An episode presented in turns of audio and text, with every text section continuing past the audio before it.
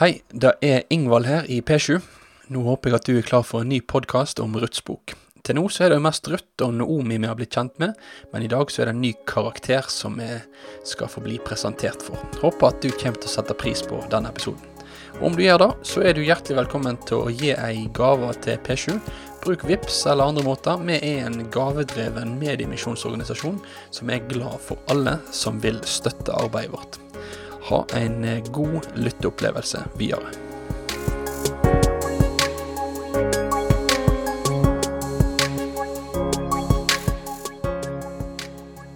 Om du leser ei bok, og det plutselig dukker opp en ny person, så aner du at nå, nå er det noe som skal skje. Forfatteren han introduserer jo neppe en ny person helt tilfeldig. Nei, med en gang et nytt navn dukker opp, så er det en forventning om at nå, nå kan historien ta en ny og kanskje litt uventa vending. Er dette her en litt sånn tragisk historie, ja, så er det jo kanskje et håp om at nå kan denne nye personen få være med og vende tilværelsen til det bedre. I det forrige programmet av Roteliv, så starta vi på vandringen vår gjennom det andre kapittelet av Ruths bok.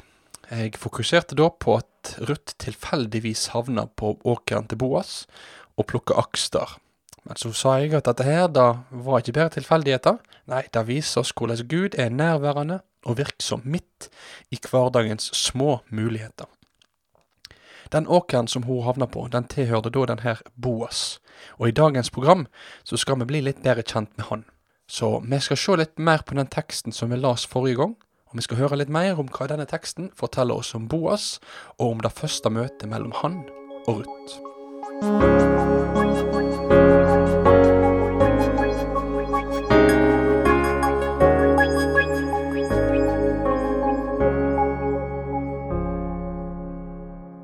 Vi leser sammen Rødts bok kapittel 2 og vers 1 til 13.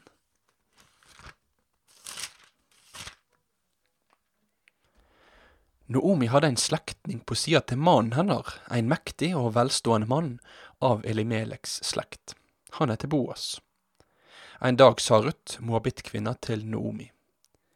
La meg gå ut på åkeren og sanke kornaks etter en som vil vise meg velvilje. Hun svarer, Gå du, dotter mi. Så gikk hun ut på åkeren og sanka aks etter skurfolket.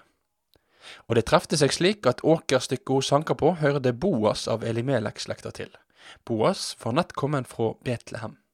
Han sa til skurfolket, Herren være med dykk, og de svarer han, Herren velsigne deg.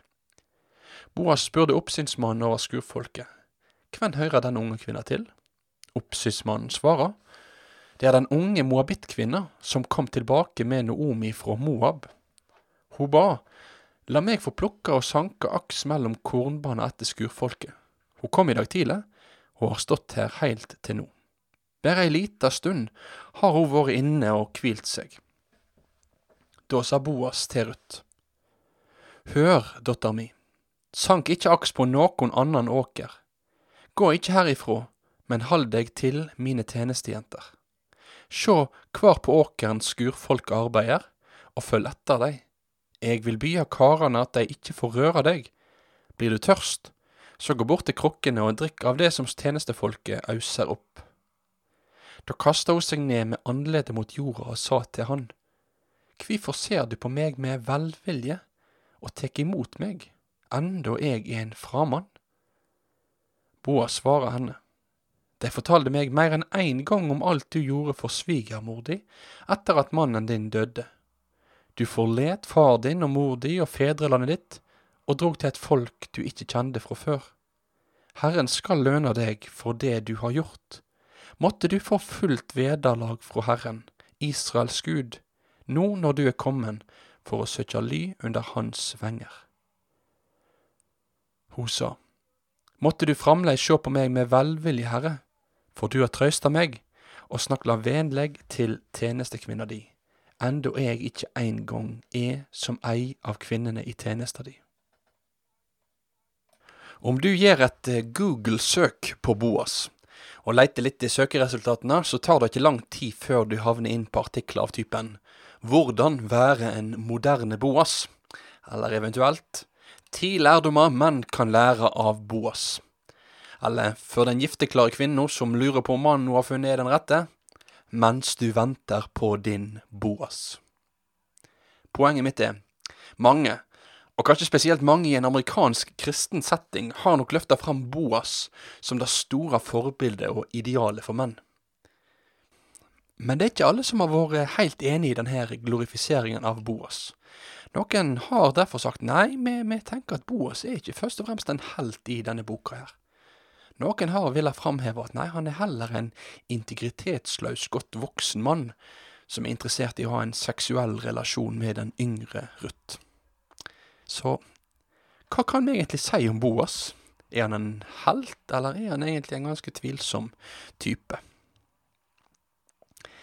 Vel, for min del, når jeg leser i Ruths bok, så må jeg si at de som vil framheve Boas sin tvilsomme karakter, de har litt utfordringer med å komme til rette med det som faktisk står i teksten. Hva som er Boas sine skjulte motiv, hva han tenkte i sitt hjerte om Ruth, det har ikke vi noen forutsetninger for å grave så veldig mye i.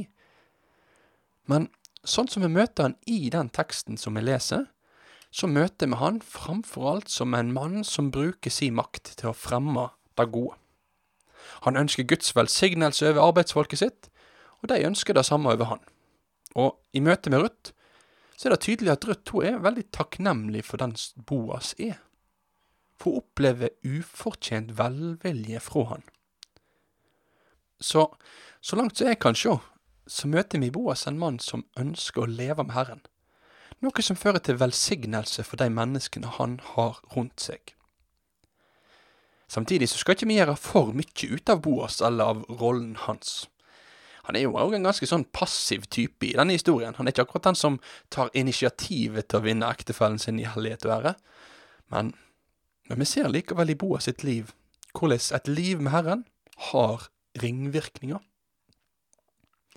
Vi veit om hvordan synda har destruktive krefter i seg. Den brer om seg som ild i tørt gras. Men det å gjøre godt rundt seg har òg sine ringvirkninger. Sånn var det da, og sånn er det nå i dag òg. Det er godt for mennesker å bli gjort godt imot. Noen ganger så kan det gode jeg får oppleve ved ei menneskehånd, være med å åpne mitt blikk for Guds godhet mot meg. Så min oppfordring til deg i dag er at om du opplever i dag velsignelsen ved at noen er god mot deg, løft blikket ditt mot Gud, Han som er all godhetsgjever. Godhet det var òg noe som Boas så at blomstra fram i Ruths liv. Sjøl om Noomi ennå ikke så så mye av det, så ser Boas hvordan Ruth bar svigermora si gjennom denne tunge tida. Hvordan hun hadde tatt ansvar for henne midt i all hennes hjelpeløshet. Men han ser òg noe annet. Han ser at Ruth hadde fått blitt en del av Guds folk. Hun hadde gått inn under Guds beskyttelse og Boas ber derfor om at Gud må lønne henne for dette. Boas beskriver at Ruth har kommet for å søke ly under Guds venge. Å søke ly under Guds venge. Dette er et sterkt bilde som lærer oss noe om det å bli en del av Guds folk. Bibelen bruker mange ulike bilder på det å være en del av Guds folk. Og et av disse bildene, som stadig vekk dukker opp gjennom Bibelen, er etter hvert sammenligna med å være under hans vinge. Oldebarnet til som fikk høre dette første gangen, David, han står bak en salme som setter ord på akkurat noe av dette. For, for hans del så var det ikke sånn at det bare var oldemora Ruth som hadde det privilegiet å kunne søke ly under Guds vinge. Nei, dette var noe menneskebarna kan få gjøre. I Salme 36 vers 8 så står det Hvor værfull din kjærleik er, Gud. I skuggen av dine venner søker menneskeborna ly. De får nyte overfloda i ditt hus. Du let dei drikke av gledebekken din. For hos deg er livsens kjelde. I ditt lys ser vi lys. Menneskebarna søka ly under Guds venge. Ja, sånn var det for Ruth. Og sånn er det for deg og meg òg. Det er nok veldig mye som kunne vært sagt om dette med å være under Guds vinge. Og mange forfattere, predikanter og prester har malt ut dette her på mange ulike og ganske talende måter for oss. Men helt grunnleggende så handler det å være under Guds venge om to forhold. For det første, det å være under noen sine venger, det medfører å høre til noen. Sånn ser vi det i fugleverden. Det er en tilhørighet mellom fuglemora og ungene hun har under vingene sine. De hører i lag. Det er ingen løselig forbindelse. Nei, mora sin tilværelse er knytt til ungene, og deres tilværelse er knytt til hun. Når Ruth nå hadde fått gått inn under Guds vinge, så har hun fått gått inn i en tilhørighet til Gud. Gud er hennes Gud, og hun er Guds unge. Denne tilhørigheten mellom Gud og hans barn, den er like reell i dag òg. Du som har fått komme til tro på Jesus, du tilhører Gud. Du er ikke en fjern Facebook-venn. Nei, du er under hans vinge, under hans omsorg. Han har ansvar for deg. Du står under hans beskyttelse og vern. Og dette fører meg videre til det andre punktet. For det å være under noen sine vinger, det medfører òg det å være under deres tilsyn og beskyttelse. Fuglemora hun beskytter barna sine.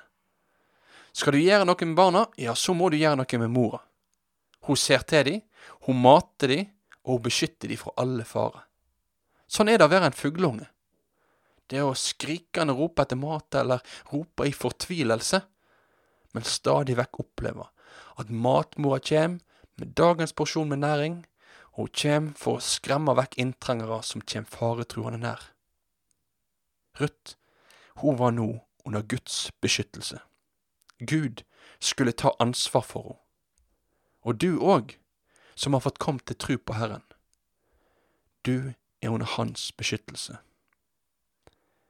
Og du, når Guds beskyttelse skal illustreres gjennom en fugl sine vinger i Bibelen, så er det ikke måsevinge. Det er ikke kjøttmeisvinge.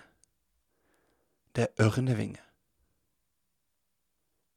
Og sånn som ingen fugl kan stå seg mot ørna, sånn kan heller ingen makt stå seg mot Guds makt. Han som du får krype inn under med hele ditt liv for å få beskyttelse og nåde.